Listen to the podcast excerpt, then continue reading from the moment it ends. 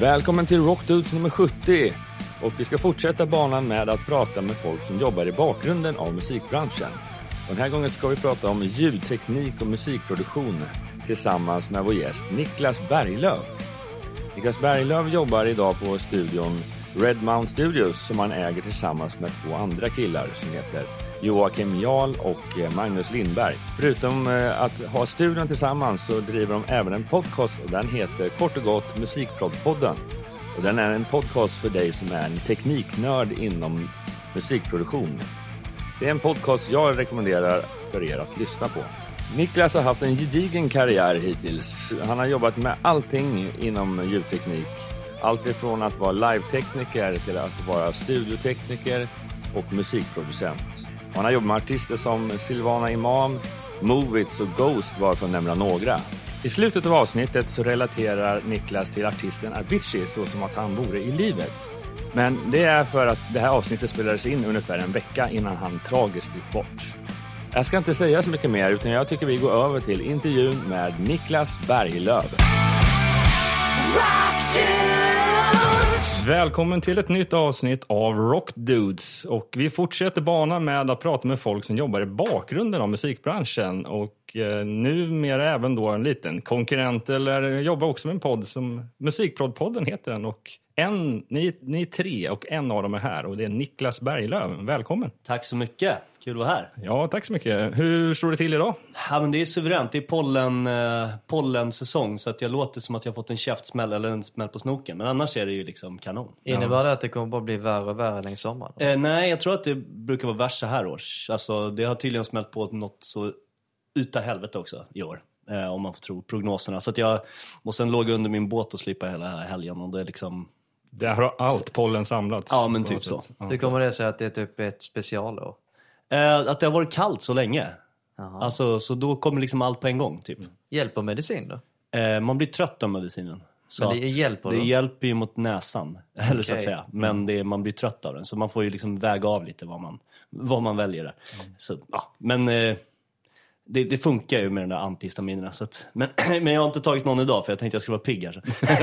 Annars pratar vi långsamt utan effekter. Exakt. Men eh, du är ju en allgörare inom musikproduktion kan man väl kalla det. Ja, absolut. På alla möjliga sätt. Mm. Eh, så är det ju. Kan du berätta lite om vilka olika roller du har? Mm, alltså jag har jobbat väldigt mycket som live-ljudtekniker åt massa olika band. Eh, och i alla möjliga genrer dessutom.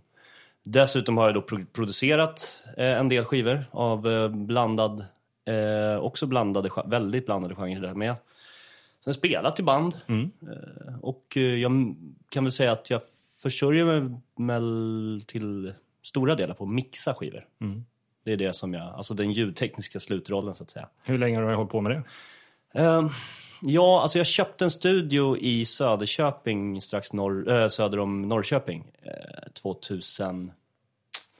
Eh, kan det vara 2010 kanske?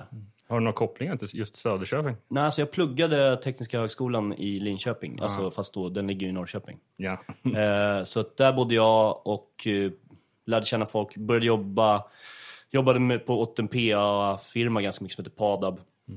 Eh, som ljudtekniker på olika sätt och rigger och liksom. Och sen så flyttade jag hem till Stockholm igen, uppvuxen här norr om stan. Eh, och eh, sen så blev jag erbjuden då att köpa den här studion som jag hade hyrt ibland för att spela in band i. Och då var det ju, jobbade jag ju liksom inte, försörjde mig inte på att göra skivor. Nej. Och då kunde jag inte låta bli helt enkelt, så jag köpte den och flyttade. Varför var det inte i Sade? Han hade tröttnat, jag tror han fick barn, eh, han Peter Andersson hette han som byggde den där studion, jättefint och, och det ligger liksom i ett fristående hus i Söderköping.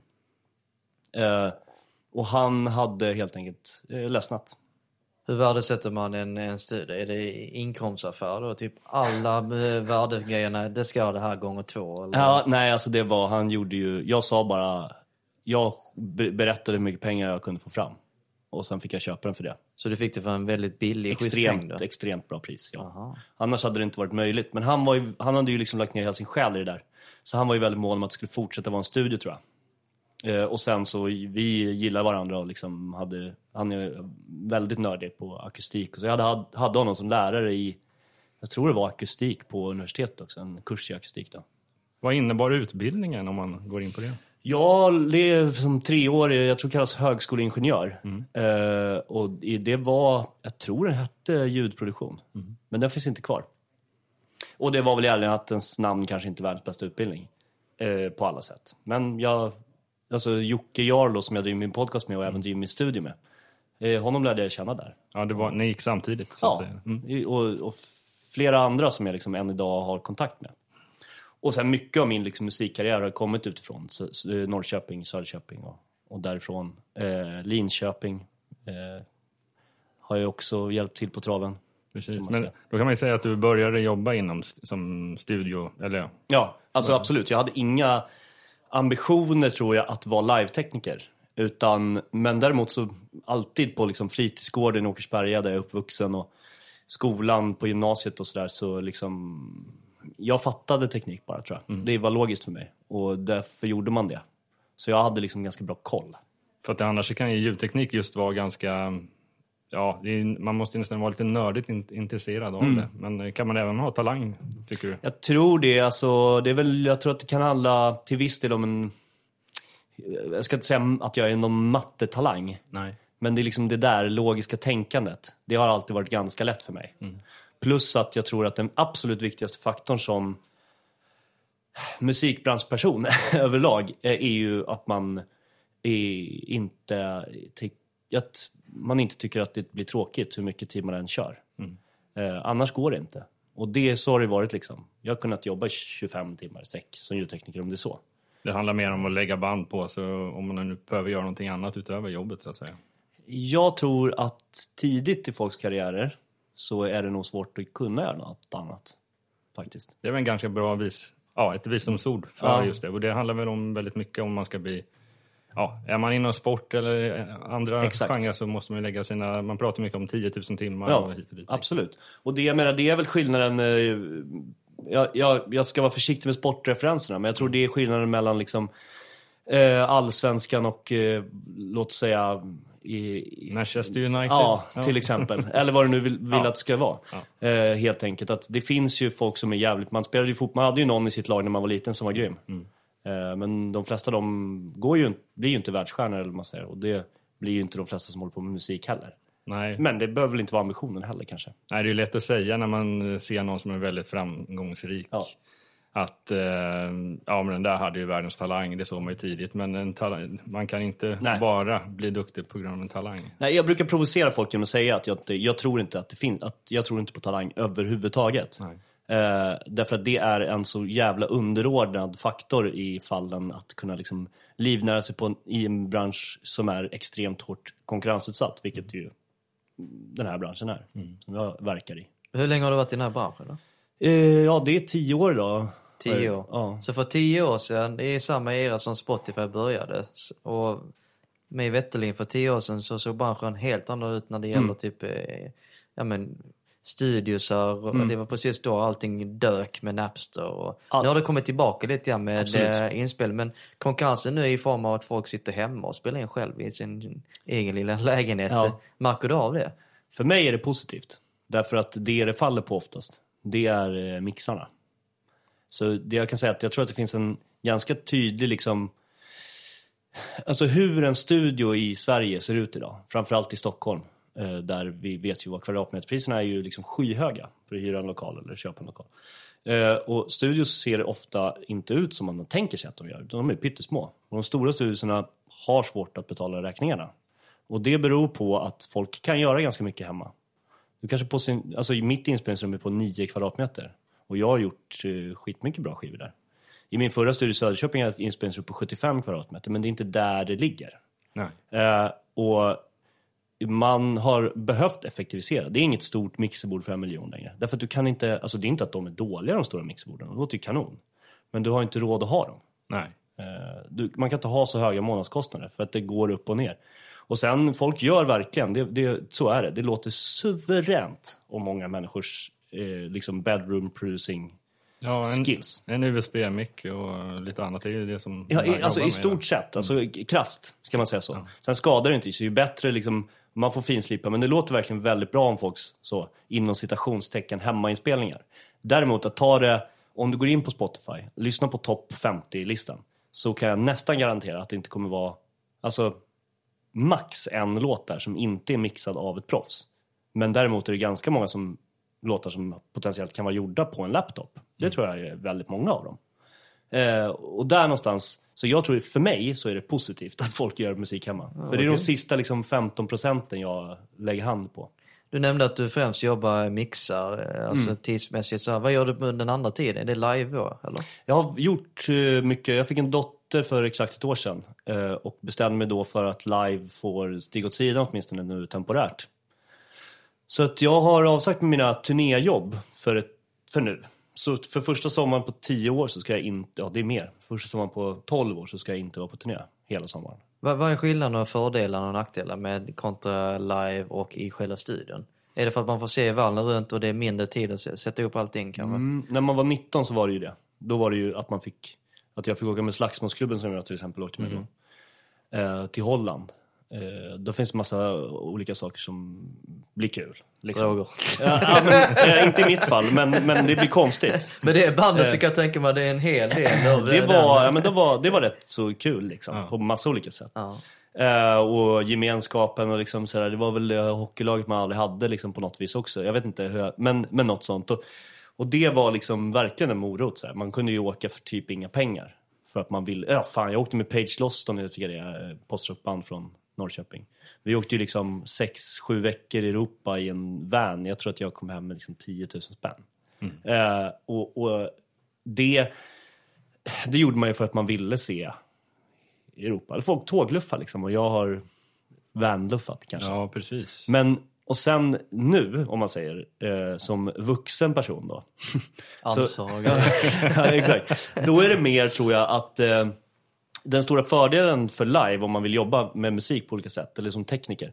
Den fördelen med live är att du, du kanske får ett samtal från, eh, låt oss säga, Blixten och kompani och så säger, alltså ett bokningsbolag då, som ett av de största bokningsbolagen. När de frågar mig om jag kan göra en turné, då blir jag ju faktiskt bokad på den.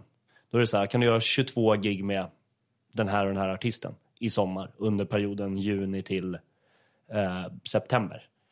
Och då vet jag ju att här är minst i mina inkomster under den perioden. I studion, då är det jävligt korta varsel. Det är det. Ja. Alltså jag menar nu, jag sitter nu, folk ska ut låtar inför sommaren. Nu är det liksom, jag skulle kunna jobba dubbel heltid nu. Eh, I studion. För det, det är varje dag kommer det så här, kan du mixa den här låten, den måste vara klar på torsdag. Liksom. Och man bara, nej, men hade du, alltså jag hade kunnat planera det. Så folk har ganska dålig framförhållning. Och jag är bo- bokad, ja visst nu har jag lite bokningar i höst för albumjobb, alltså produktionsjobb. Men det mesta är liksom två veckor framåt. Men det, då pratar vi ofta singlar då, eller hur? Ja, Mixingsjobb. ja, det, ja, mycket singlar blir det. Singlar och EPs. Och när det gäller album och eh, tidsschemat där, Mm. i regel behöver det kanske vara två till fyra veckor för att färdigställa ett album. Mixning Ja, precis. Jag skulle säga två veckor. är ganska tajt som det är, har jag förstått det som. Ja, alltså det beror ju lite på vad man ska göra. Eh, och vad det är för genre. Eh, min erfarenhet är att ju slamrigare rockmusik det är, eh, alltså desto kanske, jag ska inte säga snabbare, det ligger ju någon slags lägre gräns liksom. Men om man ska sitta och, som jag gör med vissa pop, alltså jag, jag mixar ju pop mycket. Och hiphop och hårdrock och allting. Men, men när man gör en popgrej så får man ju någonting som redan låter suveränt. Du lägger upp det och bara wow, det här är typ färdigt. Och sen kanske jag sitter med detaljer och tunar en liten kör eller... Och det, det kan ju ta två heldagar om det så. Liksom. Det är inga problem att lägga det. Men sen eh, lägger du ut masteringen till någon annan eller? Ja. Eh, Jag använder ju lite olika. Oftast är det min kollega här, Musikprodpodden igen, Magnus Lindberg som jag... Ja, han spelar ju Kallt och Luna, det vet säkert. Ja, Okej. absolut. Trummis där och har producerat alla, eller ja, man säga, de producerar väl ihop men han är väl tekniskt ansvarig. Varför föredrar du att göra en sån grej, lägga ut till någon annan och inte göra det alltid? Är det för att få ett nytt äh, färska öron? Eller? Ja, det är en jätteviktig faktor det där med färska öronen. Men jag tror också att det är så att som mastrare, om vi pratar om nörderi. Som mastrare så är det på en ny nivå av nörderi. Alltså där är det ju liksom en 0,3 dB höjning på, du vet, 45 hertz. Och man bara, ja, jag hör inte detta. Och, och liksom det är inte mitt, jag kanske, även om mina öron är fine-tune så är det liksom, en masterares öron är mycket, mycket mer så. De jobbar ju verkligen med pytte, pyttesmå detaljer. som eh, summan av dem gör att det blir bättre, men, men jag är en ganska, vad ska man säga, yvig person. Men jag, det, är väl, det är väl också ett bra sätt, förutom bandet själva då, att få höra någon annan, ett kvitto från någon annan att du har gjort Mm. ditt jobb rätt, så att säga. Eller? Ja men absolut, och så, så kan det vara. Och där, där eh, är, har jag fördelen, men det är därför jag också använder Magnus mycket. Vi sitter i rummen bredvid varandra. Så om han eh, säger att nu, den här, det är galet hög kick på den här, då kan jag bara göra en ny version så att säga. Eh, eller vad det nu kan vara. Så att, eh, men master använder man ju på allt och jag har använt Björn Engelman och eh, vad heter han, Henrik Jonsson heter han, Masters of Audio.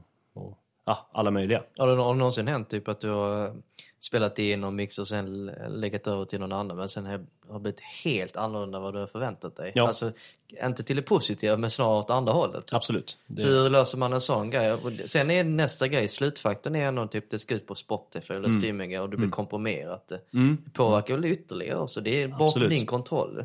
Ja, men alltså, det där har förändrats. Eh, för eh, många är fortfarande kvar det. Det. Jag vet inte hur många gånger i veckan jag försöker förklara för kunder att den här låten ska hamna på Spotify i Sverige. Alltså det är det som är, där är forumet. Det är 99,9% av alla lyssningar som sker på den här låten är från svenska Spotify. Och där spelar det ingen roll. Du har en DB-limitering, eh, så de sänker alla låtar och de jämnas ut i volym. Så att det spelar ingen roll. Vi kan trycka det här hur mycket du vill för att få upp en liksom upplevd volym. Men den kommer fortfarande låta lika starkt som alla andra låtar på Spotify. Och där är någonting som verkligen har förändrats till det bättre. Alltså där har tekniken, så att själva komprimeringsgraden, Spotify komprimerar ganska bra. Men eh, jag har gjort väldigt många lyssningstester, det kan man också lyssna på i vår podcast. Där jag, jag och Magnus och Joakim sitter och gör AB-tester på olika format. Inga problem att höra skillnad på komprimerat och okomprimerat kan jag säga. Om du sitter i bra lyssning och har tränade öron. Du, du hör skillnad. Och det kan vara frustrerande. Men i, i bästa fall så ges det även ut, vi sitter och tittar här på en stor hylla ja. med vinyler. Och I bästa fall ges det ut på vinyl och de kommer låta perfekt och då förhoppningsvis återigen om det är bra tryckeri. Eh, och då är det liksom den ultimata njutningen tycker jag. När man har varit med och gjort en skiva och lyssnat på den på vinyl sen. Du får hö- till var listan när det gäller masteringsbit och säga. Oftast är det ju ofta eh, andra master på vinyl. Specifikt bara för det ändamålet. Absolut, och det beror på, det utan att bli för teknisk, så beror det på att man kan inte ha för mycket bas i stereo på en vinyl. För då kommer nålen hoppa, det blir för stora svängningar. Det är fortfarande formatet när det gäller bäst. Är att få en helhetsupplevelse av musik. Är det på vinyl? För mig är det definitivt det. Eh, sen är jag, vad ska man säga, ja, jag är 31. Eh, vinyl hade farsan ändå fortfarande när jag var liten. Det kanske är därför. Eh, jag vet inte om man är 21 så kanske man skiter i vinyl, det vet jag inte. Men man- för mig är det det. Jag tror man ska vara lite i samma situation som du säger, just att de unga människorna, för det finns ju tonåringar som börjar samla på vinyler också, men Mm. Ja. då har de ju föräldrar som har det. Liksom. Ja, jag tror också det. Jag, jag tror det. Och jag, så jag menar, jag, jag tycker att det absolut viktigaste när man lyssnar på musik, det är ju det där jag fick när jag fick en bränd skiva av en polare med eh, Nevermind. Liksom, och jag hörde musik, alltså när det, första gången jag verkligen hörde musik. Eh, och man blev helt jävla golvad. Det är ju liksom, det är bortom vinylkvalitet eller Spotify eller vad det nu kan vara. Men samtidigt är det så att musik ska låta så bra det bara är praktiskt möjligt. Det är verkligen min filosofi liksom. Eh, Och det är ju så någonting, för att återknyta till live, så är ju det den grundförutsättningen när man jobbar som live-tekniker. Du kommer in i en lokal, okej det här hänger, det här P8 är här, den här lokalen är det. Det där bandet står på scenen. De förutsättningarna, det är ramen. Och lite så är det väl med Spotify kanske, eller vad det nu kan vara. Ja men, jag kan grälla hur mycket jag vill över att Spotify har för dålig komprimering. Men det är ju den komprimeringen. Ja. Så mitt, mitt jobb är ju att det ska bli så bra som möjligt för det formatet jag är i, så att säga. Är det rent teoretiskt så att du sitter och eh, försöker, när du vet att det bara är Spotify, Mm. jo- jobbar på ett annorlunda sätt då, bara för att du vet vad begränsningarna, begränsningarna finns i det systemet? Ah, nej, det skulle jag inte säga. Utan det, jag tycker att det, vad ska man säga, det översätter ganska väl. Alltså, låter det suveränt när det låter så bra som möjligt så kommer det låta... Alltså, vad ska man säga? Jo, på ett sätt. För att i masteringen är det så. Och lite så kan man väl tänka att det är för mig också. Jag behöver inte längre, som jag sa, jag behöver inte la, jaga loudness på samma sätt längre. Eh, för att jag vet att Det kommer ändå tas bort. Ja, men om, man ska, om det är en akt som till exempel ska spelas mycket på Soundcloud som inte har eh, en dB-justering neråt. jag tror det är minus 11 eller om det är till och med minus 14 på YouTube och Spotify. Så det är ganska mycket. Eh, men jag tror att Soundcloud fortfarande inte har det. Och är det en akt som ska vara mycket på Spotify, ja men då är det ju faktiskt potentiellt viktigt att det spelar starkt. Ja, precis. Ja, vi har pratat en hel del om eh, själva mixningsjobbet. Och det är en, verkar vara en viktig del. Vi kan ta någon lite mer fråga. Det är för mig då lite mer... Det är, är, varje, är det att jobba med varje band är det unik, en unik situation? Eller alltså, vad, För de skickar väl med lite vad, vilka förväntningar de har på ditt jobb, så att säga. Hur Precis. ser Att- processen ut? Ja, alltså jag kan säga så här att eh, där är det återigen, det, det är liksom lite, det är människor liksom. Det spelar ingen roll om jag mixar, eh, eh, vad vet jag, så här skräcködlan har jag ju jobbat med till exempel, om du vet vilka det är. Ja, ja. Yes. Eh, och eh, eh, Molly Sandén här sistens. Och det spelar ingen roll vem av dem det är. För där märker man, det är två exempel på folk som är uppenbarligen är engagerade. Som kommer med feedback, som liksom funderar över saker. Och ibland får man ju bara, ibland skickar man iväg en mix och sen så hör man ingenting på två veckor och sen så är det klart. Eh, och de har liksom- releasat en typ nästan till. Ja, och det, men det, det, jag ska säga att det, så jag tror inte det har så mycket med genre att göra utan mer att vissa människor bryr sig mer om hela kedjan.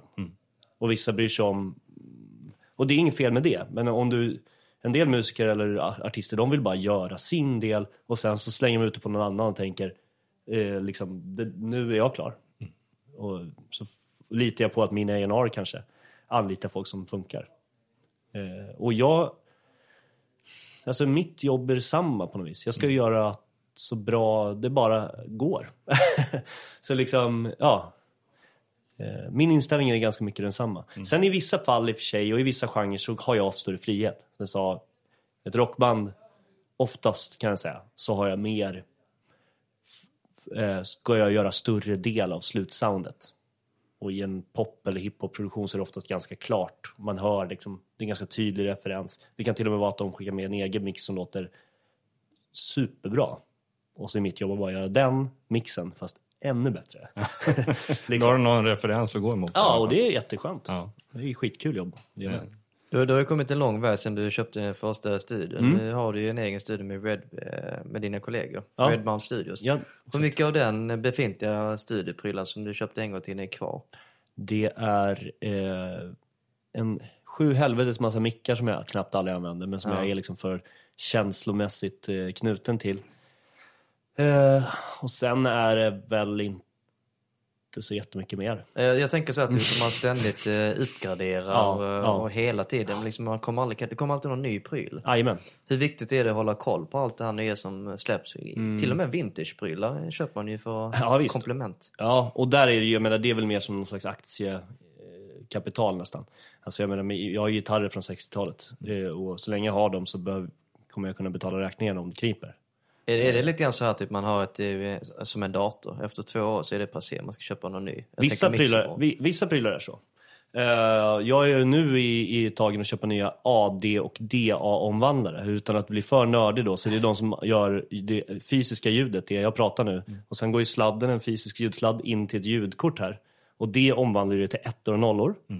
Och sen åt andra hållet, när lyssnaren sitter i andra änden och laddar ner den här podcasten och lyssnar på den, så måste det någonstans göras om. Från ettor och nollor till ljudvågor igen. Och omvandlingen mellan då AD, analogt till digitalt, och digitalt till analogt. Eh, Det ska jag köpa nytt nu och det är ju så sjukt mycket, så sjukt mycket pengar. Hur, hur gjorde man förut då? Jo, man hade sämre. Ja, man har sämre grejer. Alltså de har blivit sämre och sämre, eller bättre och bättre. Alltså, och, eh, man hör ofta folk i min bransch som är lite äldre så här, men tejp, inget slår tejp. Och Och Tape finns ju inte längre. nej, Ja, det nej. gör ju inte det. Och det har spelar, alltså det lät ju bättre. Fast snart är det inte så längre. För att AD-omvandlarna och DA-omvandlarna, de har blivit så jävla mycket bättre. Och det har jag också gjort tester på och jag kan blindtesta folk som inte ens är mix och masteringsproffs och man hör skillnad. Äh, Alltså på en mid-range och en pro-range grej liksom. Det, det hörs skillnad helt enkelt. Och ja, jag är väl i den positionen att jag ska väl förväntas ha det bästa. Kan man eh, blanda gamla och nya och skapa sitt eget sound? Absolut. Eh, Det finns, har ni hört det amerikanska bandet Slaybells? Vad heter han? Ja, jag har missat det. Derek, vad fan hette hans? Han hade ett, eh, ett liksom... Vad ska man säga, ett jävligt, jävligt stökigt så här hardcore-band. Och sen så startade han ett typ elektro pop hårdrocksband. han spelar på typ så här, liksom en fan, så här Jackson-gitarr typ. Superdistat i fet Marshall-vägg. Och så är det liksom stenhårda trummor. Asbra band, Slaybells. Men de bestämde sig för att alla håller på och distar analogt för bästa rördissen. Vi ska fan hitta de omvandlare som distar snyggast. Så de liksom testade 40 olika AD-omvandlare och bara, ah, men den här klipper på läckra sätt. Så nu gör vi skiva med den. Och hela deras skiva är, låter ju helt sjukt, fast jättecoolt. Så att, eh, och det är, jag vet inte vilka det landar på, men förmodligen inte de dyraste. För de, man, de vill väl ha någon som klipper tidigt liksom. Men har man olika sådana ADD-omvandlare beroende på vad det är man spelar in? Ja. ja. Eh, samma sak där, jag ska inte vara för, eh, gå för nördigt in i det, men absolut, så kan det vara. De är olika klina. För det är ju trots allt det är olika eh, analoga komponenter och de låter på olika sätt beroende på vilken tillverkare det är. Men livemässigt eh, när det gäller själva ljudet i sig. Kommer du till en befintlig konsertlokal och så har du de här prylarna du får jobba med eller har du med egen utrustning? Mm. Eh, det är olika. Jag har, eh, nu har jag sålt väldigt mycket av mina grejer. Jag hade två Midas eh, Pro 1 och Pro 2-bord. Och de hade jag med mig på turnéer och skickade med. Jag gjorde ofta liksom så att jag gjorde en grundmix på produktionsrep med banden. Och sen eh, satte ihop ett komplett kit. Och sen så kanske jag gjorde två tredjedelar av konserterna. Men Det var någon annan som gjorde de andra. Ja, för det krockade så hade jag med mig någon kollega som tog de gig jag inte kunde ta. Och så hade de där borden ute. Men då vet ju artisten att ja, men det spelar ingen roll om Niklas står där eller om någon Nisse- annan. Nisse, Nisse står där. För att det är Niklas grundmix liksom. Men så har du en egen produktion då på vägarna? Kan det stämma? Ja, ja, men eh, sen så flyger man ju ofta med band. Eh, av, av praktiska skäl och ofta av ekonomiska skäl. Alltså, jag, jag, jag minns liksom... Ja, jag, jag- minns inte exakt vad, vad det kostar att hyra en hel rigg av mig, men jag skulle tippa att, att liksom totalt med mickar och mixerbord och hela skiten, in-ear-system, så landar man på kanske en 4-5 tusen per spelning. Och det är inte alla band som har råd med det. Och sen så mitt gage som kanske var på 5 tusen per spelning, då är det 10 000 och då är det bara ljud. Precis. Sen Lampor, och- buss Ja, och... ja, precis. Och crew. Så att det, då förstår man ju att det är inte att hyra in typ mig. Eh, alltså man får hit, för många band så handlar det om att hitta mig när jag var 19. Eh, för att man har inte råd då. Och, så, och då, samma, jag spelar med, jag producerar en tjej som heter Linn Shemry nu. Som släpper, ja, släppte en EP och en singel nu precis och sådär. Och är med henne och spelar ibland. Ja, det finns ju inte på, vi har ju inte råd att hyra en bil liksom egentligen. Det är ju kanske gage på 3000 spänn, täcker ju knappt soppan liksom. Ja. Ja, men ni fattar. Ja. Jag tänker med klubbturné och festaler så är ju två helt olika eh, scenarier däremot. Alltså, visst att man ska till viss del flyga in på en festival. Men utrustningen, eh, hyr det in då och sen är det levererat på plats då? Ehm, nej, alltså på, på festivaler i Sverige så tar jag nästan alltid med grejerna. Det gör det. Men Jag tänker utomlands nu främst. Ja, eh, flyger jag till, eh, skulle vi flyga till eh, Nordnorge och göra ett gig, då är det ju inte praktiskt möjligt med grejerna. Nej. Och då ser jag det lite som en sport. att liksom köra på det som finns. Så du skickar i förväg typ specen som du behöver eventuellt för det bästa ljudet och sen hoppas på att det finns och landas. Men sen är det Ja. en utmaning. Du kommer dit med ett helt nytt bord och Ja. du ska liksom testa dig fram. Men grundprincipen är väl densamma? Ja, grundprincipen är densamma och ljud, live-tekniskt så är det så här att alla bord, oavsett vilken, man kan säga att det finns fem, sex stora tillverkare av mixerbord. Eh, mikrofoner så är det ju inte ens det, då är det ju typ tre olika märken man stöter Så på. pass få alltså? Ja, Okej. alltså det finns ju massor, men folk måste ha, alltså jag vet inte hur många 57 ligger i lådorna, SM57, sure. Det är ju liksom, det är ju det. Vet, det är en sån, ja, men då funkar det. Liksom. Sen håller man på och snobbar för att göra sitt liv lite kuligare, liksom. Att man säger, åh, köper någon den här Audix-micken? Men det, fan, i slutändan så spelar det inte så stor roll. Liksom. En bra mix som inte pajar, det är det man vill ha live. Men sen, sen är det så, jag har hört så här underverk fyra kanals portar men Mm. det handlar egentligen om vem som sitter bakom spakarna och Mm. rattar. Absolut, så är det. Och det är bara, man kan ibland undra, fan det, det står ju en tekniker på plats. Varför är det inte så att man hyr in den bästa teknikern och så kör den alla band på en festival? Det hade ju varit kostnadseffektivt kan man ju tänka. Varför har alla band på en stor festival med sig typ mig?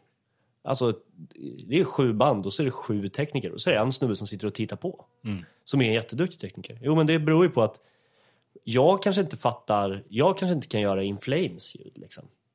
Men det gick bra att göra Ghost. Fast det är väsensskilt. Ja. Men jag Vad tror, är det som skiljer sig mellan de här två banden? De ja, men alltså soundmässigt, idealen. Eh, vad, vad är det för ideal liksom? Hur ska en bastrumma låta? Och de som står på scenen måste lita på att jag fattar hur en bastrumma ska låta. För annars kan inte de göra sitt jobb. Och det är ju det som är lyxen. Det är därför, som live-tekniker, vi är typ 20 pers i Sverige som turnerar med band. Det är ju liksom varje sommar är det kaos för att det finns för få. Men det finns en massa tekniker, men folk, de här artisterna måste ha en person som, ja, dels går att sitta med i en buss i 150 timmar liksom.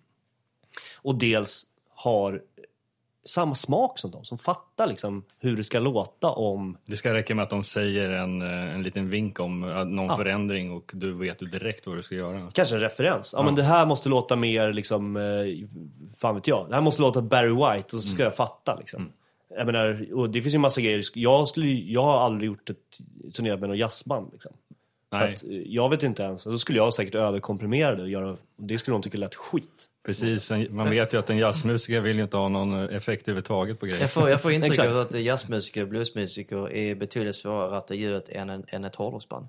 Eh, det tror jag absolut. Är Tror det jag för att det är väldigt så specifikt, eh, helt olika genrer till viss del? Absolut. Men att det är ett annat sorts cleanare ljud och det är mycket som Ja. händer runt om musiken kanske. Jag tror, ja precis. Jag tror också det kan bero på, jag, jag- för jag håller med dig i den analysen, men jag tror också det kan bero på att hårdrocksband, de har så, deras ljud kanske man inte kan förändra så vansinnigt mycket. Deras gitarrljud har de liksom lagt timme efter timme efter timme på. Och det är liksom som en jävla vägg. En jazzmusiker, visst, de har också lagt timme efter timme, men där är det så otroligt dynamiskt liksom. Och börjar man förstöra det, då, blir det inte mycket kvar. Ja, Nej, precis. Där ska man höra en, en liten Ja. sträng. Liksom. Ja, men Det är precis. detaljerna i själva huvudinstrumentet. I hårdrocksbanden så är det flera instrument som vävs ihop till en ljudbild. Ja. Så det gör ingenting om något instrument är högre än andra för det är precis. inpackat i själva soundet. Ja. Exakt, men däremot om vi tar, eh, om du skulle liksom mixa Watain och så är det in, är liksom inte bra liksom, klick i kicken, då kommer du inte höra den. Det går ju inte. Nej. Så att man, men, men, men jag menar, den, det är en genre som kanske jag begriper mig på. Som jag är lite uppvuxen med. Så därför är det lätt för mig att peka på den där specifika grejen är sjukt viktig. Det där får du inte, alltså jag menar, ska du mixa Veronica Maggio, då får det inte vara så att sången är begravd. Då kommer ju folk kräva pengarna tillbaka. ja, exakt. Eller Ja, ännu ja, mer, ja. går, du, går du på eh, Sven-Bertil Taube och så är det liksom pissstarkt piano. Då kommer ju folk inte vilja betala. Nej. Nej. Så, Ja, det så, är ju så du har ju verkligen- ganska mycket ansvar. Ja, man har ju det. Man har ju det på sitt sätt. Och så Är det gäller det att förstå liksom och vara lite lyhörd där. Är det någonting du tänker på? Eh, du menar specifikt? Ja, precis. Har du, har du, ja, vi kan ju gå Som in på det ansvaret. också. Precis, i och med att du har det ansvaret. Har, du, har du några exempel på när det kanske inte har funkat som det var tänkt? Ehm, det har jag säkert. Uh, låt mig tänka en sekund. Ja, precis. Man försöker väl trycka bort den där. Nej, men jag minns eh, ett tillfälle, direkt kan jag säga. Och nu ska vi se om... Jag tror det var typ... Jag var huskille. Liksom, jag stod på plats på, i Södertälje. Jag tror det kallades Södertälje hamnfest eller något sånt där. Jag kommer inte ihåg vilken firma jag åkte dit, men jag blev dit lurad. Och eh, hängde upp något PA där och vet ju knappt hur man gör det. Men jag, hade, jag höll på med klättring när jag var liten. Så jag var väl med också för att liksom kunna klättra i riggar och sånt. Så jag hade sel och skit. Och så eh, kommer typ... Han körde vi en hel dag. Det gick väl bra. Jag tyckte det lät lite snett. Konstigt. Ja, det måste vara vinden, tänkte jag. Eller är det där... Ja.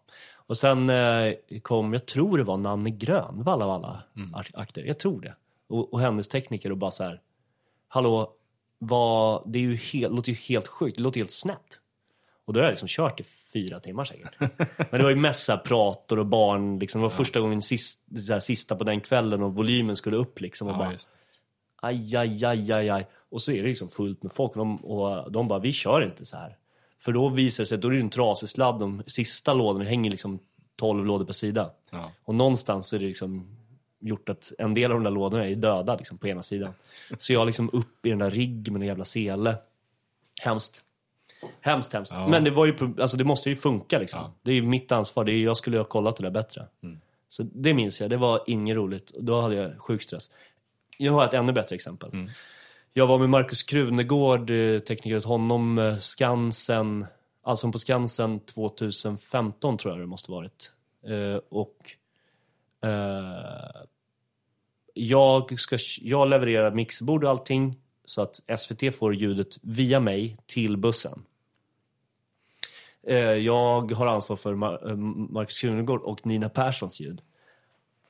Det flödar inget, det kommer inget ljud till, till bussen från mig. Jag, jag står... Jag fattar inte. Nej. Timme efter timme. Alltså det jag var där jättegod timme. Alltså, tre, tre timmar säkert. Jag var helt jävla... Alltså, Blir man svettig då eller? skojar du? Alltså, nej men jag trodde jag skulle få hjärtstillestånd. Ja. För jag, jag, jag, ser, jag inser att om inte jag löst det här, jag har ingen aning om vad som är fel. Jag, jag har aldrig varit med om det här, jag har ingen aning om vad som är fel. Men om jag inte löser det här inom 45 minuter, då blir det ingen livemusik på Allsång på Skansen ikväll. För miljoners eh, tittare. Hur löser man en sån grej? Tar man hjälp utifrån? Eller? Nej, Jag ringde alla jag kände. Liksom. Jag kommer ihåg min kompis Martin Chandra, ljudtekniker också. Och, eh, ja, jätteduktig kille. Jag ringde honom och bara, du, ta en taxi ner. Jag kan inte, jag kan inte komma på någonting mer.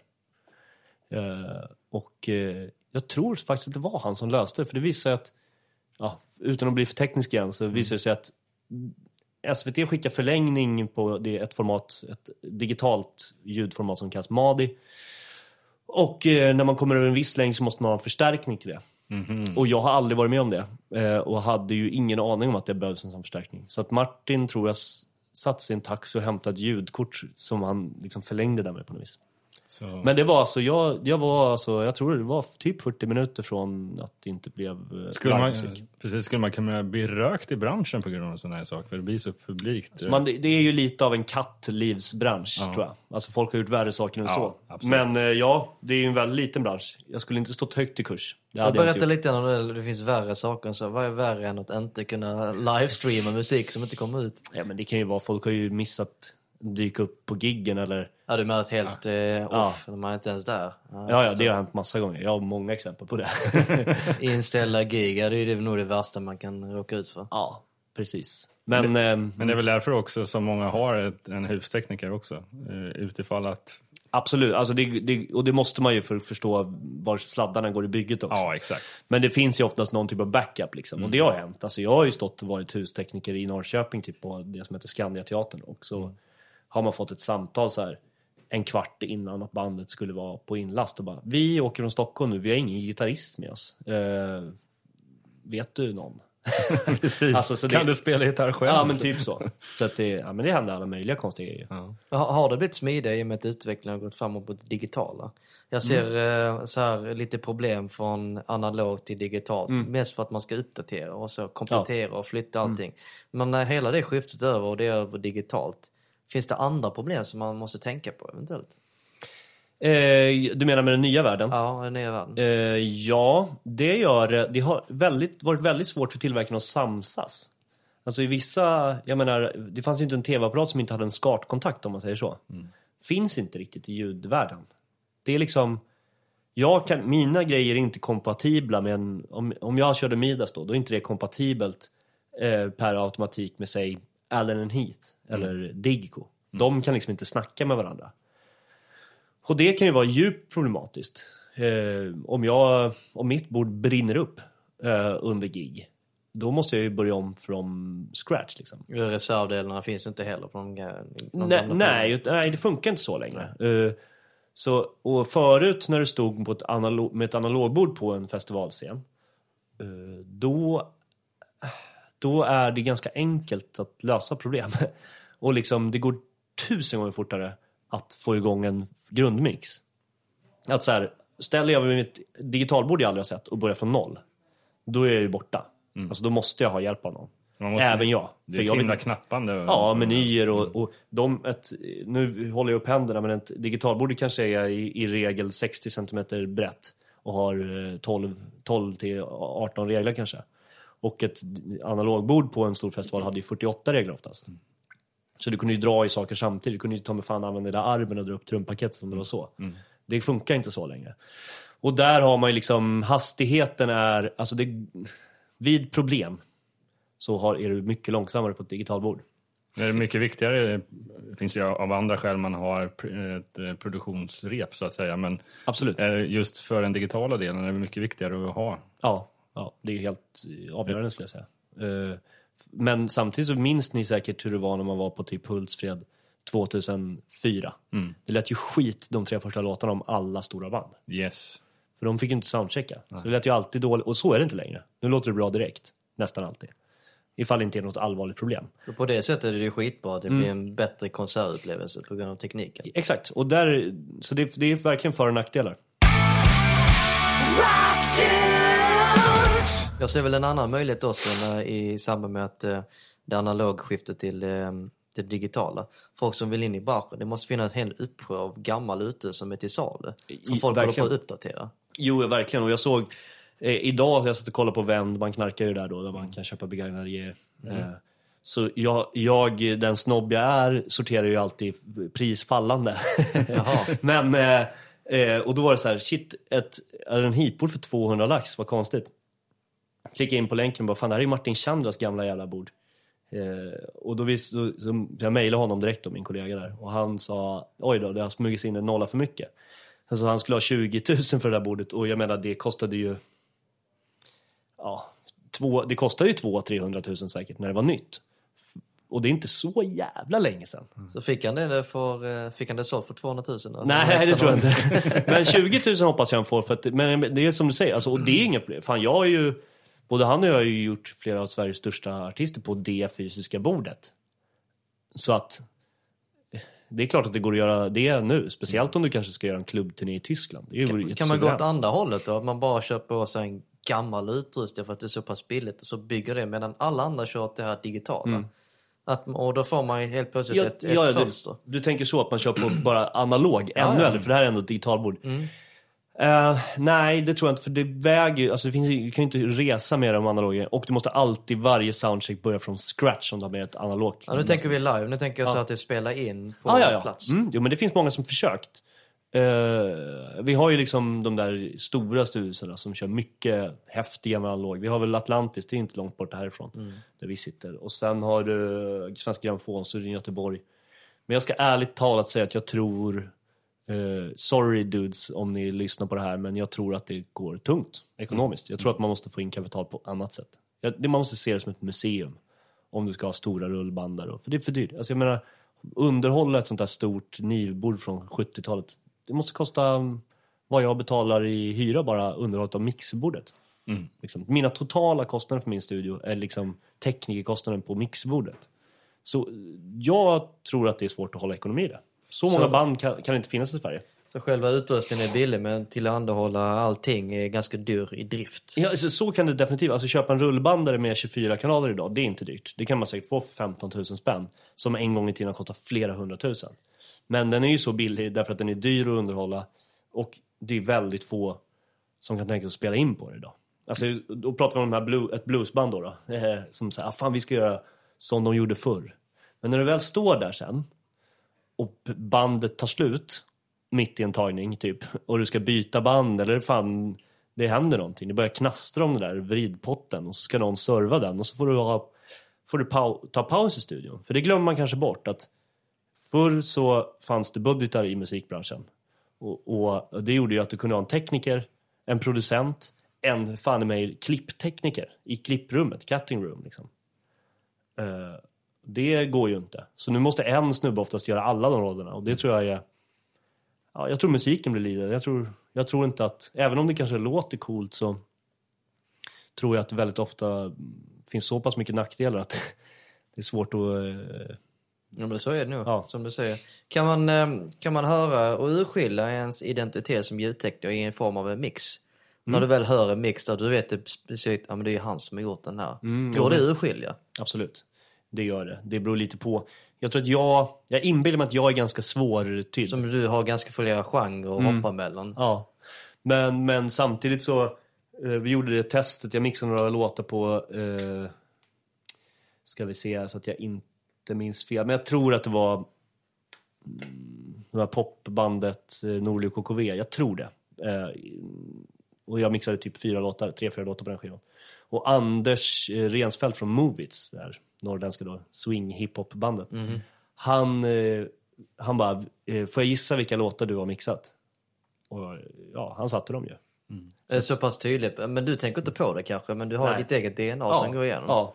Magnus Lindberg, min kollega där som vi pratade om. Där har man ju Kaltoluna Magnus där. Hans, du, där tycker jag man hör direkt. Hans trumsound är helt unikt tycker jag. Eh, och där har man ju så här, där kan jag fan verkligen höra om han har mixat det. Det, det tror jag. Jag vill, jag vill ha en jämförelse. Jag lyckas lyssna på en eh, analyspodd om Max Martins produktioner. Alla de här topp 10, 20. Mm. Just så hade de klippt ihop det, olika vignetter och så analyserat låt på låt. Det som kom fram ur det här som var ganska intressant var typ att, inte själva inspelningstekniken utan mer typ hur han lägger engelskan för att det skulle synka med låten. Ah, okej. Och det, det har man inte analyserat innan Nej. på det sättet för att den, i vissa fall sa han så att han har skrivit det här på svenska och sen översatt till engelska för att en del av de texterna går inte ihop men det passar Nej. till musiken. Ja. Det är ett annat sätt att se själva uppbyggnadsprocessen och musiken i sig. Det är därför han sticker ut. Ja. Och då hör man specifikt, okej det här ordet inte funkar på det, det är Max Martin-produktion. Ja men hör man inte, det tycker, visst hör man ofta det? ja. Alltså när det kommer en låt på radio, jag kommer ihåg när hon Katy Perry släppte någon låt för några år sedan. Då hörde man ju efter liksom fem sekunder att det var han. Och det är så jävla coolt. Alltså, ja, men, och han är väl extremt liksom... Och han är ju dessutom låtskrivare. Ja, Låtskrivare det. är lite annat för här är det Jo, men det- textbaserat. Ja, precis. okej. Men det är, det är ändå i ljudbilden, tycker jag, Yes. menar jag också. På något vis. Alltså, det- det är allt samverkar, men man hör liksom på något sätt att det här måste komma därifrån. Från För, det, hans, för liksom, mycket av hans gäng. produktion är ju synkad med själva lyriken. För Ja, att det men kom visst. precis där Ja. på droppet eller bryggan eller refräng må det ens vara. Så att det är ett Mm. annat sätt att se eh, strukturen, hur man bygger en låt. För Mm. Kanske börjar man med musiken men så väljer man texten för att Mm. kunna synka in och då hör man typ för att den engelskan är ju inte så himla klockren egentligen. Nej, precis. Men, och där är ju intressant. Alltså, där har vi ju en jävla fördel på ett sätt, vi som kommer från Sverige. Att, att vi, vi använder engelska på ett acceptabelt dåligt sätt, uppenbarligen. För att det är ju det, det är liksom nästan poetiskt bara. Eh, och det, vi har väl lite samma inställning till islänningar, typ. Att man tycker att de liksom är så jävla poetiska och liksom mörka på ett härligt sätt. Så har vi liksom den amerikanska marknaden tagit emot eh, svensk musik. Även den tyska marknaden som är ju jätteviktig, det antar jag för dig också. Ja, absolut. Eh, där de också tycker att liksom det finns något poetiskt sätt att uttrycka sig. Vi har liksom hamnat, vi är bättre än stora delar av världen på engelska. Och framförallt kanske man ska säga, vi är tillräckligt bra på engelska för att det ska funka. Det är inte liksom helt tokfel, även om det kanske inte är riktigt rätt. Så, så det tror jag, det är därför så många svenska låtskrivare kan hålla på. Ja, men det är det som jag tycker också är fantastiskt, att just svenska artister som sjunger på svenska, trots allt, trots språket så kan de slå väldigt mycket utomlands. Ja, så det- någonstans så är ju Ja. lyriken och Ja. eh, melodierna väldigt viktiga. Du tänker på typ Dungen, Movits... Eh, Ja, till exempel. Ja. Det är inte många men det är, finns en Det del finns- som ändå... Vad har vi fler? Det, det finns ett par stycken där, men eh, ja. Jag försöker komma på något mer. Movies turnerade jag ju mycket med i Tyskland. Och, I eh, USA har de ute en hel del Ja, de har typ fyra, fem vänder i USA på, på, på svenska. Men jag körde Tyskland eller Europa med dem, har gjort någon gång. Och det är ju en så jävla absurd upplevelse. Och dessutom sjunger de väl med i texten också? Fanns. Absolut. Ja, och det är Såklart. fantastiskt. Ja, det är helt otroligt. De har ingen aning om de sjunger. Nej, exakt. Det kunde varit vad som Men det helst. har jag också med ett vikingaband, jag jobbar med Grimner som vars hit är Älghjärta och då, i Tyskland då sjunger de på svenska fast de inte kan Ja, svenskan. Det är så fantastiskt att se vart hela den här utvecklingen har tagit. Ja. Ja, Ja, visst. det är underbart. Underbart ju. Visst, du, du lyssnar och sen kan du ta ner texten på internet. Ja. Liksom, så. Exakt. Hur, eh, du som är musiker eh, i grund och botten och jobbar med eh, inspelning och så. Hur mycket input har du i artisten när det gäller själva ja, men, instrumentet i sig? Ja, men, jag vet att du mixar och spelar in men kommer du med en egen feedback? Ja, men ni kanske borde tänkt på det här i form av låtskrivarprocess då? Mm, ja, alltså definitivt. Jag är eh, också nästan notoriskt, eh, alltså jag, jag klarar inte av att hålla tyst. Eh, så är det även live, alltså jag är jävligt engagerad i liksom eh, hur det ska arrangeras. Eh, alltså jag kan säga, det där, jag fattar inte varför du spelar det där fillet där. Liksom, det där, varför då? Eh, alltså, Lite makes sense på skiva men inte Ja, live, men inte här, det funkar inte eller vad det nu kan vara. Jag, jag och, kan, får man ju säga, det här är min åsikt men, men jag står där ute liksom. Du kan vara den eh, sjunde hemliga medlemmen i Ghost. ja, precis. Nej, eh, men däremot när vi, när, med dem så, där kan jag säga, det var ju ett människor som var, eh, eller är, nu är det ju, har ju blivit stora rockader i den förändringar i line-upen. Ja, det kan man lugnt säga. Jo, det är Eh, bara en kille kvar. Ja, exakt. Eh, Men jag bara, ä- även han som är kvar var en person som var extra, alltså då, nu har jag, jag har inte kontakt med honom men flera av de andra. Eh, Men extremt lyhörd.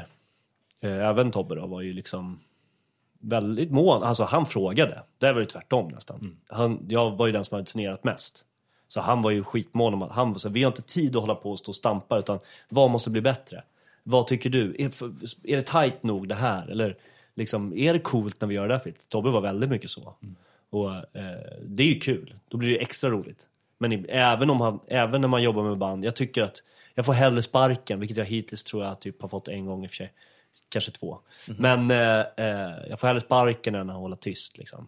Eh, när jag tycker att något är dåligt, för då blir det inget roligt. Om man står och tänker nej, nej, nej, nu kommer det här tråkiga partiet igen. Ja, men det måste ju också vara ett ID för dig som yrkesman. Absolut, ja, det tror jag. Att då hyr man ju in dig Ja. för att man vet Absolut. att man får, Och hyr inte in mig kanske framförallt när man, om man är en artist. Eh, som, som har en tight produktion redan från början. Och ja, kanske- eller, ja, men eller som typ tycker att det är jobbigt. ja, just det. Bara, fan vad han... De vill inte håll ha kom- käft bara. Liksom. Gör ditt jobb. Och det kan, det kan jag tänka mig att det, det kommer nog på tal ibland. Ska vi inte hyra in att bokningsbolag föreslår någon? Ja men Niklas då? Så kan det vara till exempel turnéledare eller artister så som skulle kunna tänka att nej men det blir för jobbigt. det tror jag händer, absolut. Att artister har en sån här grundteori hur man spelar in, det kan ju vara hjälp, medhjälpligt för, för din del. Men jag tänkte, finns det vissa fall där artister litar blint på det helt och hållet och du, ja men gör det här. Har du något sånt där case eller? Ja, Vasat for Fauna nu producerade jag. Alltså Finlands svenska indiepopbandet. Producerade deras album och där var det Ja, det var väldigt mycket jag och Mattias då som skriver det mesta också. Eh, det var väldigt mycket han och jag som gjorde skivan, men han hade liksom... Eh, I, i, I vissa fall när han inte kände själv att han hade en tydlig idé av vart låt skulle, då kunde det vara verkligen att han la den i mitt knä liksom. Absolut. Och sen har jag gjort sådana produktioner där jag sagt det från början. Vi gör, vi pratade om skräckare nyss och där kan vi säga igen, kan säga, jag sa det, jag vill producera en låt och vill ni inte ha den, då skiter vi i det. Då är det lugnt, ni behöver inte betala ingenting, jag bara vet hur jag tycker det ska låta. Och jag tror att det resulterade väl liksom i jag tror inte att det är så mycket kvar egentligen av det jag gjorde, om ens något. I deras, för det var liksom, jag tog en nio minuters låt som jag hörde dem spela live och bara, den där måste jag spela in. Och gjorde den till typ fyra minuter. För att jag tyckte det var så många onödiga partier och så vidare. Det hör till genren, men jag tänkte, vad fan, vi kan revolutionera den här genren istället då. men, eh, eh, och det blev inte så mycket av det, men eh, inga sura miner för det. Eh, från varken dem eller mig. Utan, eh, men jag kände där att jag måste få prova det här. Eh, Men och att köra över dem. Liksom. Precis, men att göra en sån där grej kan göra att man får en, en annan version som kan dyka upp förr eller senare som ett annat släpp. Ja, och jag tror också att man sådde frön i deras huvuden om vad som... Så nästa skiva de gör eller, Ja, så tror kan det. ju påverkas. Ja, på annat de kanske, Det kanske var så att de upptäckte att nej, men vi, är, vi, vi ska göra 12 minuters låtar. Mm. Vi ska inte anpassa oss efter sånt som Niklas som tycker att en låt ska vara effektiv. Precis, istället för nio blir de 15 minuter. Ja, det är möjligt också, men jag tror att man aldrig gör någonting förgäves i alla fall. Eller liksom, jag menar, eh, ja. Ja, det kan... Jag vet inte riktigt. Man, man, eh, hur som helst så tror jag att liksom... Många artister är, alltså, många artister är öppnare än man föreställer sig. Vissa är helt otroligt låsta. Men då är det inte roligt. Då är det inte roligt att jobba. Inte med produktion. Har du avbrutit sådana produktioner någon gång? Ja, det, det har hänt. Absolut. Eh, det har väl hänt. Fast det oftast, jag, inte så, jag brukar slutföra det vi håller på med. Sen kanske säga att det blir nog inga fler låtar, jag tycker inte det funkar. Det, så kan det vara. För det handlar väl mycket om kemi också? Mm. Jag har tackat nej till livejobb framförallt. Där jag tyckte att kemin inte har funkat. Eh, det har hänt vä- väldigt många gånger. Att man känner att jag orkar inte, ska jag sitta i en turnébuss med den här människan som jag tycker är liksom, in- jag ska inte säga dum i huvudet, men, men som jag tycker kanske inte är något schysst. då, det orkar man inte. Nej. Alltså då går man sönder. Och det finns ju andra, alltså det, personkemi, ni vet ju. Folk kan, är, någon ena personens, din bästa kompis kan vara min värsta fiende och vi kan ju gilla varandra för det. Ja. Eh, men ja. Sen gäller det att kunna vara professionell däremellan, för Ja. annars får man ju skita i det. ja, men man får ju slutföra det projekt man har tagit för sig och sen så Ja. får man ju skita i det sen då. Jag får, jag får intrycket av att ju större artisten är desto mer studietid får man. Mm. Kanske inte nödvändigtvis är det bästa heller. Vi Nej. har ju så här lysande exempel som ja, men, Chinese Democracy, Max mm. som eh, tog i fan tio år för att färdigställa och inte blev en bättre produkt för det. Alltså, i, i ditt jobb, är speed viktigt? Eller Mm. ser du så att typ, ju längre du får, kommer du på nya möjligheter längs vägen, men det här borde vi testa. Nej, alltså det, brukar, det finns ett så här, de jag jobbar med, musiker, alltså hired guns-musiker som jag jobbar med live, har, jag brukar ha ett, liksom, lite av ett internskämt om mig som är eh, att de säger det låter, det låter. För att jag liksom hatar soundcheck så liksom, när någon ska stå och testa något. Fan skit i det nu, jag hör gitarren liksom. Den, lå- den är där. eh, för, för mig är det extremt viktigt och i studion otroligt viktigt. Alltså jag, när jag börjar, jag får filerna till projekt, lägger in dem i min eh, dator. Alltså jag är av den bestämda uppfattningen att ju fortare det låter ganska bra, liksom, desto bättre blir slutresultatet. Jag, jag tror verkligen det. Alltså, det får inte vara, från att jag startar till att jag har en version jag kan leva med, det får bara ta typ tre timmar, annars så blir det liksom, annars så tappar man, eller man ska jag säga, jag tappar suget. Och samma med en produktion, alltså vad fan, det går inte att göra ett bra jobb om det Alltså om någon ska sitta och testa grejer, eller så här, ja ah, men kan vi inte byta micka, virveln är inte riktigt där, men skit i det nu liksom. Nu spelar vi bara, så är jag ganska mycket. Men du har projekt per projekt, det är inte så att du hoppar mellan produktioner och sådär? Jo men det gör jag. Det gör det? Ja, nu för tiden måste man ju det. Förut kunde jag inte det, för då hade jag mitt stora mixerbord, som alla andra. Som liksom, det var ju det som var drömmen. Och. Då funkade det fortfarande så, därför att det, där kan man säga en teknisk utveckling som vi var inne på tidigare. Ett mixerbord eh, för, om vi säger gå till, eh, gå tillbaks till 2009. Eh, då var det ju fan med beroende att ha ett mixerbord på in, all, alldeles, liksom, ja, i en jätteutsträckning egentligen för att alla pluggar i datorerna var liksom dåliga. Och nu är de bra. Och då kan du ta bort det där stora mixerbordet som pajar. Eh, Men när du hade då en mix uppe på ett mixerbord, då var du ju tvungen att få ett godkännande från artisten innan du kunde riva det och göra en ny mix. Och när vi hade rivit det, då var det ju rivet. Eh, och ibland så blev det ju hur bra som helst. Eh, och ibland så ångrar man sig ju efteråt. Men då fick man göra en ny låt. Vad, vad är fördelen med att hoppa per projekt? Jag känner så här typ att man fokuserar verkligen på Mm. ett i taget så blir det så bra som möjligt. Kan det också bli så att man är lite blind, att man vill ha lite fräscha nya grejer för att ta till sig det tillbaka? Kan? Absolut, alltså, det, jag, jag älskar att göra det. Eh, och, eh, vi har haft en praktikant nu och hon har sagt det när hon sitter bredvid mig, liksom, att det, det blir, blir inte ambivalent. Liksom, när man bara, här nu mixar jag i 20 minuter på en hiphoplåt, sen bara, "Äh, nu är det en rocklåt här. Och så, nu spelar jag in lite gitarr. Men jag tycker det är skönt, då hör man något nytt varje gång man öppnar det. Jag tycker, man får liksom gratis av det. Eh, så jag älskar den möjligheten, att jag bara kan hoppa tillbaka till något jag gjorde för två veckor sedan och bara, ja fan, jag fixar lite där. Och, Blir det väldigt kreativt också? Det vill säga att kan en låt, eller mixning då kanske framförallt, eh, blir det en skillnad på låt?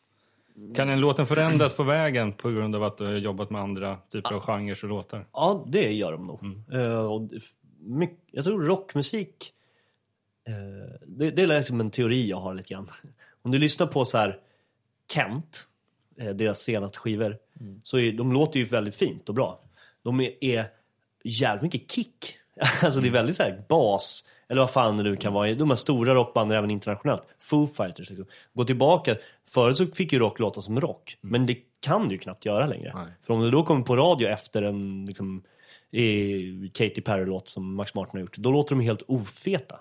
Så nu liksom rockmusik har ju kraftig påverkan och så kan det bli för mig med. Jag sitter med en hiphop-låt och så är den så här scoopad och liksom sprakande skant och så gör man något med någon rocklåt så har man bara Fan mycket energi det finns här i den här punchen liksom i... Men tar man, tar man ja precis, nu är vi sig det, det mesta blir ju radiotänk ändå i och med att man streamar saker via Spotify Ja. på det sättet. Ja, precis. Men samtidigt så har det ju öppnat sig en möjlighet att faktiskt nå lyssnare med jävligt snäva grejer. Eh, De är, alltså jag tycker det är så suveränt med Discover Weekly eller vad det kallas och de här grejerna. Att jag kan liksom, jag gör så ofta när jag, när jag bara vill lyssna på musik hemma. Så, för jag hinner ju inte precis som alla andra som har barn och liksom en båt att slipa på och sånt där. Att man bara, jag hinner inte sitta och läsa bloggar. Nej. Så då går jag istället in på det coolaste jag vet just nu. Och sen så bara liknande artister. Eller vad det nu kan vara. Random utifrån den här artisten som jag råkar ha snubblat över. Och så liksom, det mesta kommer jag ju inte gilla men var tionde låt blir ju, no- lägger man ju, hittar man ju ett nytt album.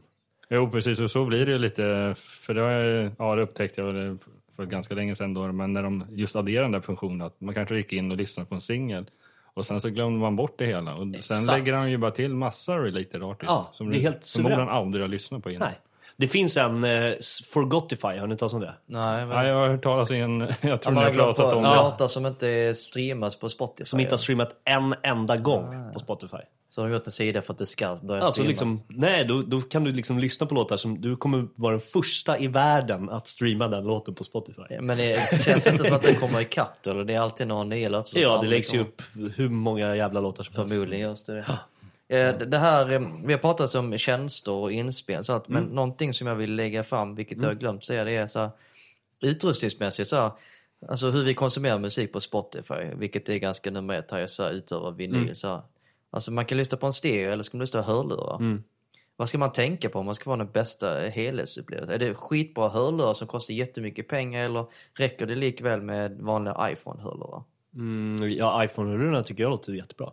Det är så pass bra kvalitet så att du skulle rekommendera att man lyssnar på det. Jag lyssnar gärna på musik i mina iPhone-lurar. Mm. Problemet är bara att det måste vara tyst runt omkring.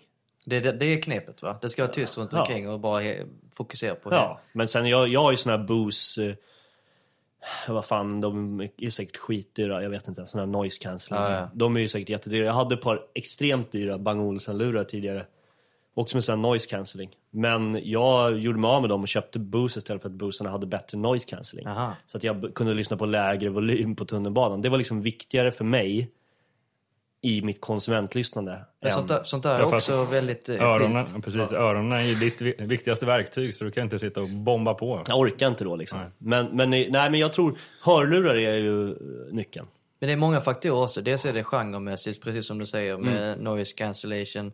Men sen finns det ju inställningar på Spotify också. Man kan skifta i ljudet för att det ska Mm. liksom basera på vilken genre man lyssnar på. Jag har aldrig testat det. Nej, inte jag Eh, heller. Nej. för jag har inte orkat bry mig Nej. om det, för att jag märker ingen skillnad heller. Nej men jag tycker så här, jag, det, jag, om jag, i min bilstereo så har jag liksom allt på noll bara.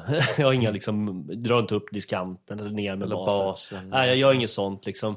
Eh, för då tycker jag att det blir så svårt liksom. Jag, någonstans, jag vet inte, jag vill att det ska vara så nära vad som var tänkt eh, från början. Och, och för en som är inte en van lyssnare utan Mm. bara slänger på musik. När det gäller bis, diskanten och basen, ska det vara på mellanreglaget då för att få den bästa? Ja, jag brukar ha en p- p- p- rakt upp så att säga. Alltså Okej. noll. Noll. säger. Eller vad man säger, om min, finns minus fem och plus fem så har jag den på noll. Men, men jag, jag, eh, jag har fått påbackning där från min fru nu för att min stereo hemma, de, jag har en sån här gammal Bang stereo och den, den blir så basig så att jag liksom för att få lyssna på musik hemma ordentligt så liksom måste jag dra ner basen lite där. Så det, jag, jag har gått ifrån det lite. Det På, e, med åldern. på EDM så känns det som att det, ju mer bas desto bättre, eller? Ja, precis. Men de har, det känns som att de redan har dragit på så mycket bas. Ja, så att det gör varken till eller från. De ökat lite grann. Ja, men någonstans så. Och så har man ju ofta såna här boost-knappar Ja, och precis. grejer liksom. Den, loudness-knappen, har jag alltid älskat. Eh, då, då låter det ju hö- högt även när det är lite svagt. Jag drar en annan parallell till det här, förutom musik. Alltså jag kollar ju sjukt mycket film och hemmabiosystem. Ja, så för mig det. är så Dolby Surround, nu har jag kanske inte det bästa systemet, men jag har 5.1. Det Ja. är det gamla, nu finns det 7.0 och allt. Okej. Jag hade ingen Men, nej, nej, men det är en helt annan science i sig. Men det, det räcker ju gott och väl för mig. Men utrustningen går snabbt där också, Mm. man tänka på. Eller om man kollar på en live-DVD-konsert. Ja. Alltså, jag, så här, eh, vet du vad? Jag har fan svaret, mitt svar på din fråga. Eh, eh, det är att, har du ett hemmabiosystem, till exempel.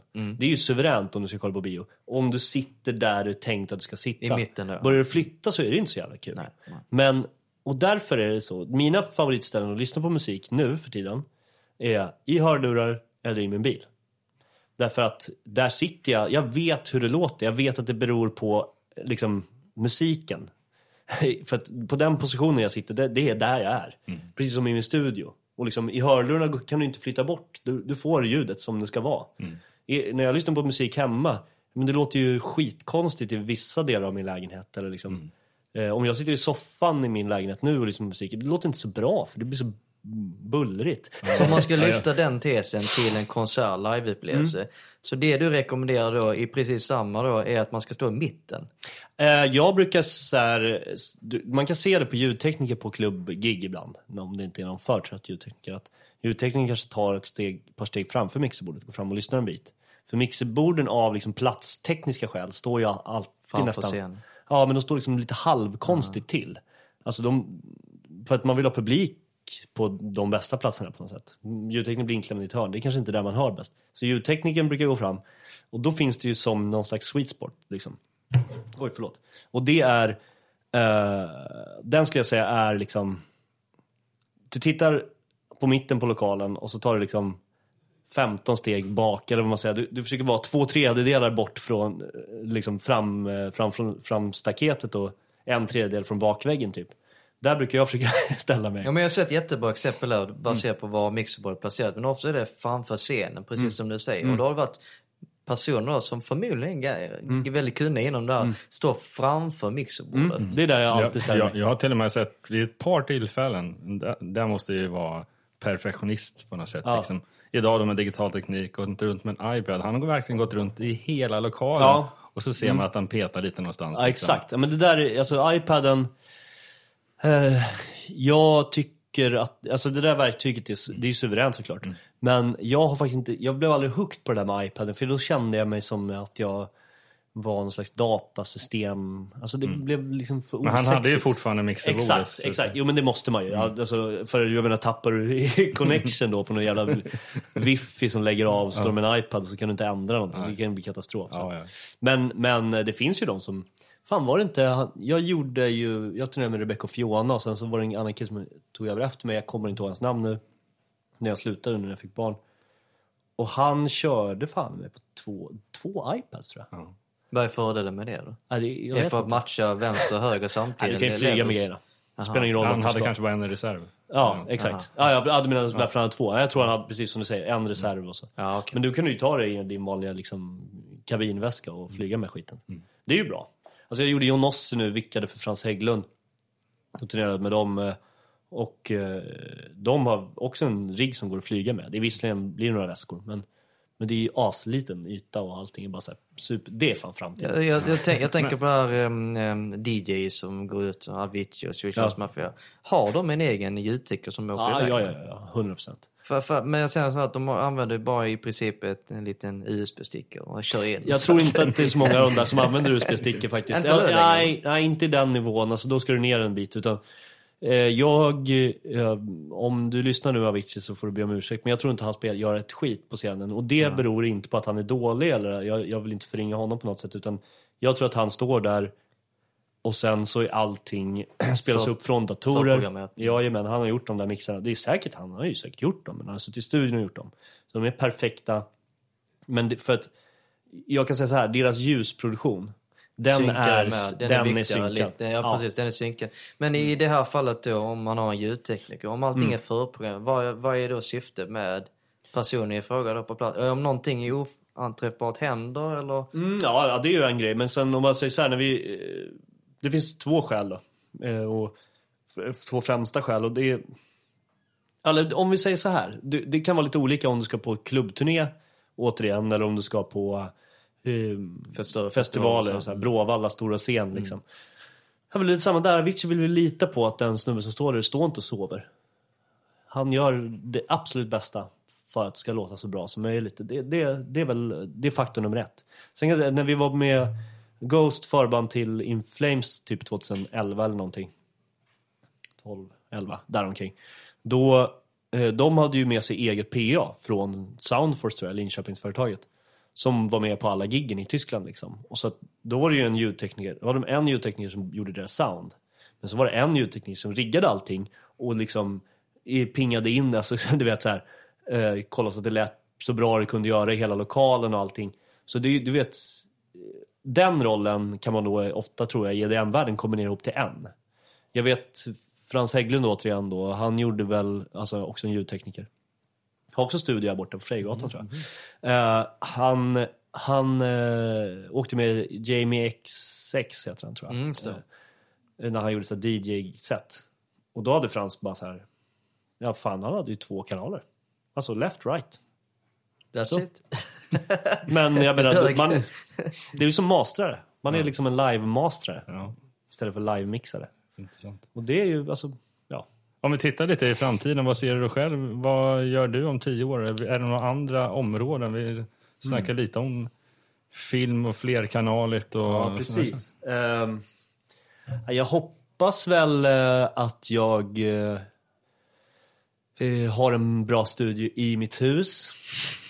Eh, och en studio i stan. Så jag kan jobba lite mer när jag får känna för det bara. Och inte behöver, att det inte behöver bli ett projekt med att åka utan jag bara kan göra lite musik liksom. Både vara en bra far och en bra Exakt. Ja, inom ditt arbete. Ja men verkligen. Eh, kompromissa lite mindre där eh, mellan de två. Och sen, eh, jag vill nog, jag hoppas att eh, framtid, att musikbranschen om jag säger så, i, i framtiden i Sverige, att bol, att, mm, vad ska man säga, de svenska skivbolagen eh, eh, Det gör det här. No offense här. Nej, nej, Nej, men uppar sitt game lite grann med eh, i eh, att ge ut, att våga satsa på lite smalare musik. Alltså nu, du är ju i ett sånt Ja, skivbolag. Det här huset är ganska Ja. mycket smal musik. Ja, alltså, du, du behöver inte känna dig träffad, men, men jag tycker att det, att det är väl... Jag hoppas att jag ska få jobba med lite knäppare grejer. För att nu är det svårt att få budgetar. Och jag tror att Spotify är bra på att satsa på eh, satsa på liksom, lite okända grejer också, lägga in listor och så vidare. Så jag hoppas att Spotify fortsätter på den linjen. Nu ska de börsnoteras så att jag har lite farhågor där, men jag hoppas att det är liksom, de ska satsa på lite snävare rockmusik eller vad det nu kan vara.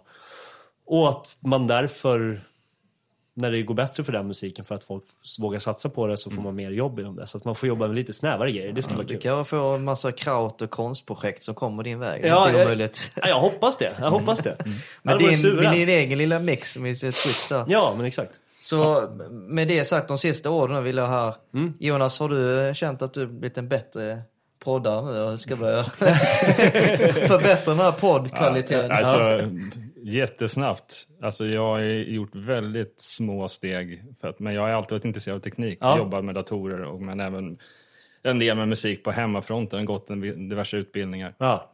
Men det var nog tio år sedan ganska exakt som jag gjorde, gick en mindre produktionsutbildning. Ja. Det var fantastiskt roligt och lärt känna, där framförallt var det det som du sa.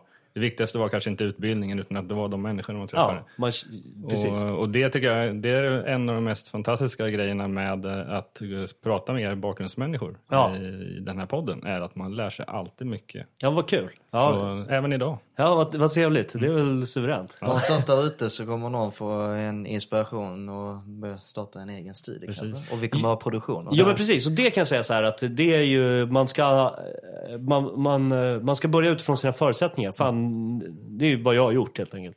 Att jag har inte tagit mig vatten, jag har inte, jag har inte varit en drömmare på det sättet. Du köpte en studio. Jag vet, fast jag köpte den för exakt vad jag kunde ge för den. Jag lånade inte pengar för att göra det och så vidare. Jag satte mig inte i en dålig situation. Alltså musik är liksom, musik ska vara glädje så man ska inte ta på sig för mycket liksom eh, kostnader eller så här, sätta sig i liksom, någon jävla skuldfälla utan bara se till, tekniken är inte det viktigaste, bara man hittar någonstans att vara och bara kan med glädje hålla på med musik. Det är liksom det som är nyckeln tycker jag. Med de orden så tackar vi Niklas Tack. Berglöf för det här. Tack så jättemycket. Trevligt att vara här. Tack kära lyssnare för att du har lyssnat på Rock Dudes nummer 70. Där vi har intervjuat Niklas Berglöf och ja, det arbetat ett riktigt intressant avsnitt som vi kunde avhandla allt ifrån eh, hur man jobbar med ljudteknik inom studio och live, men även hur man är som musikproducent. Ja, Jag är alltid så glad att få lyssna till när så erfarna människor berättar om sina erfarenheter. Eller vad tycker ni? Glöm inte bort att besöka våra sociala medier som Facebook, Twitter, Instagram och Youtube. Vi söker på Rockdudespodden. Skriv gärna en kommentar vad ni tycker om just det här avsnittet. Eller vad ni tycker om vår podcast. Ni får gärna skriva en liten recension där. Men vi vill också eh, be er att via våran inbox på Facebook skicka in lite förslag på vilka gäster ni vill höra här i framtida avsnitt av Rockdudes. Jingeln är inspelad av eh, Jonas Hermansson, Peter Månsson och Mia Coolheart. Vi vill tacka dig för att du har lyssnat på Rockdudes nummer 70 med mig Jonas Löv och Ömer Akai. Nästa avsnitt av Rockdudes, nummer 71, det släpps om en vecka det kommer bli en Metallica special där vi har bjudit in tre stycken starka fans som ska berätta om alla sina berättelser. En av dem är Fredrik Brolin som dessutom i höst kommer släppa en ny bok som heter Metallica sorgespel och segertåg. Vad den handlar om? Ja, det kommer du kunna lyssna på lite i det här avsnittet. Det får du absolut inte missa. Fram tills dess, rock on! Rock!